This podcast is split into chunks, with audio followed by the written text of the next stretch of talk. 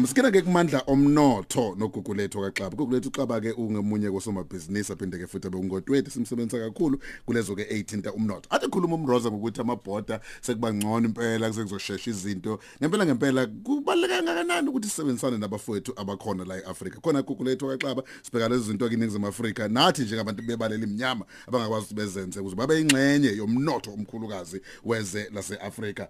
Nkosi sikubingelele mfowethu sikwamukele kukhozi ekseni.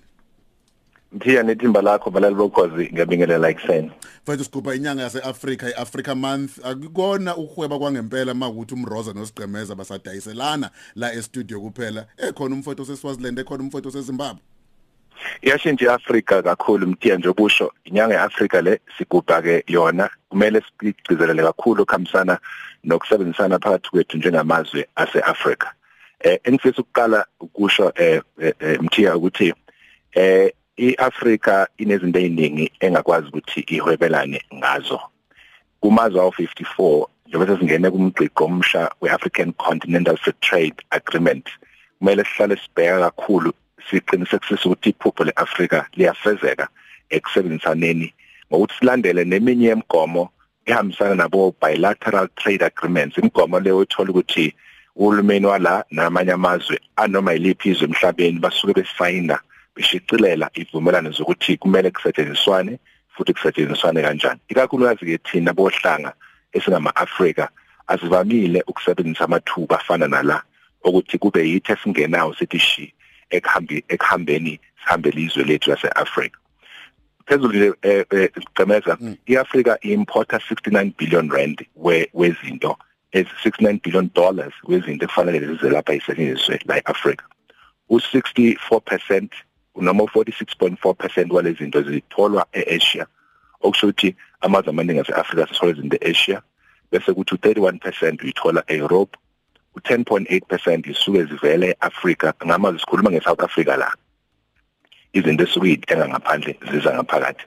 Bese kuthi 7.5% izinto ezincane kakhulu esuke ukuhwebelana ngazo lapha namazwe aseAfrika. Sithe namhlanje sibheke ukuthi umlaleli esekhaya ikuphi nje okuthile angathi uma eyimisela ungena emabhizinisini athi naye ngabamba iqhaza kukhona. Mm.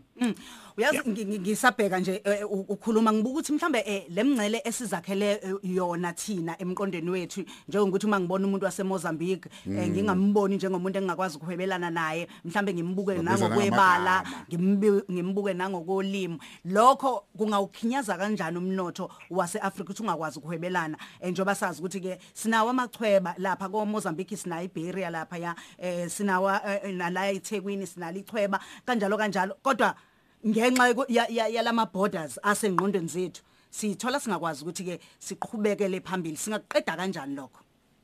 Mraza lokho kushoyo kubaleke kakhulu ngoba sisesenkingeni yeAfrika yokuthi sinezilimi ezihlukahlukene kungezona ezethu mhlawumbe ngabe kungcono sesinalo ulimi olulodwa sikwazi ukusebenza ngalo kodwa ke siyazi ukuthi iningizimu Afrika siyashaya ngisho umthetho ukuthi iSwahili sibe ulimi ozogcina lisetshenziswa ukuze sikwazi ukuxhumana kakhulu eAfrika.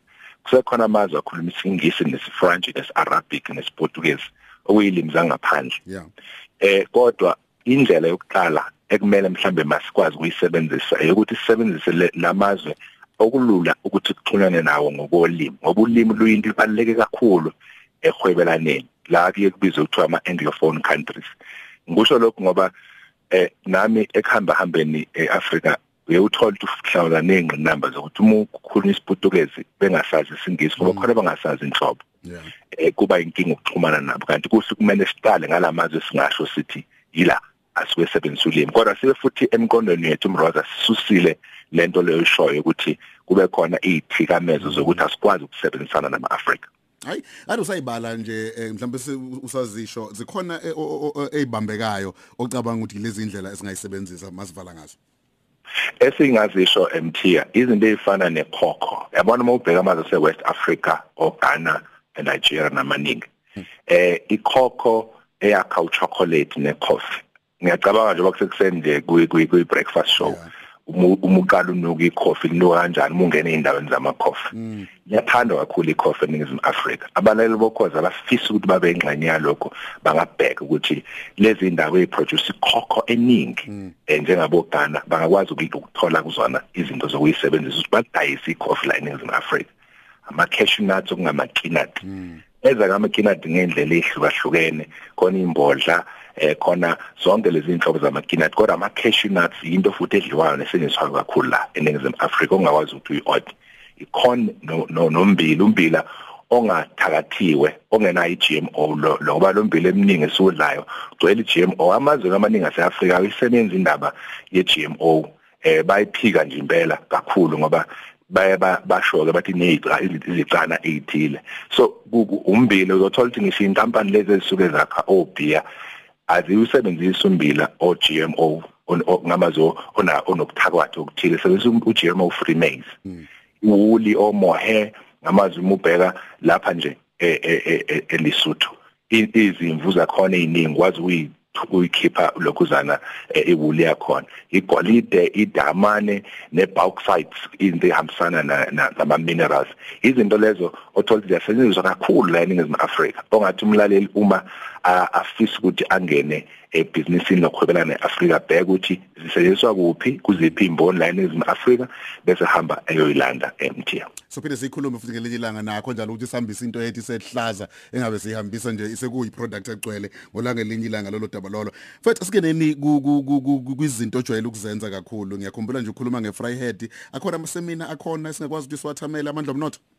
Kunjalo bebegcwele impela efryhead kwaqeqeshwa abantu ngeimbuzi ngoba imbuzi sizoyithatha impela siyithwale ngeqoma njengomnotho obalekile kukhona ke mthiya insango eh nehemp umgqibelo eThekwini. Kuzobe kuqeqeshwa abantu abafisa ukungena kuyona. Bazi kabanzi ngiyithi ngimthiya kubalekile ukuthi abantu bakithi bangalahlekelwa izimboni zabo. Salahlekelwa yijuba lathathwa la packagewa salahlekelwa amanzi manje emthombo. Lese siyithenga manje amanzi ekuthiwa purified water manje iphethu la sasiyiphuzela wona wonongoma eyigobhozela nje. Salahlekelwa amahewu apackagewa nensangu le. Asingakuvumi ukuthi kwenzeke lokho kuthiwa ama barrier to entry abe makhulu ukuze singakwazi ukuyibandakanya nayo. Uhulumeni mayeshaya imithetho fanele ashayele thina imithetho. Imithetho ezohambisana nathi ezihambisana nogogo umanxumalo ozokwazi ukuthi angena ingxenye yalomnotho so ke sobe sikhona ke mthiya bese kuthi ngomhla ka14 sinamakhosi lapha eshowe sizokhuluma ngeindaba zodaba lomhlaba nasemakhaya nomnotho wasemakhaya. Ngosibonga kakhulu mfethu benathi kukhosi ngabonga mfethu.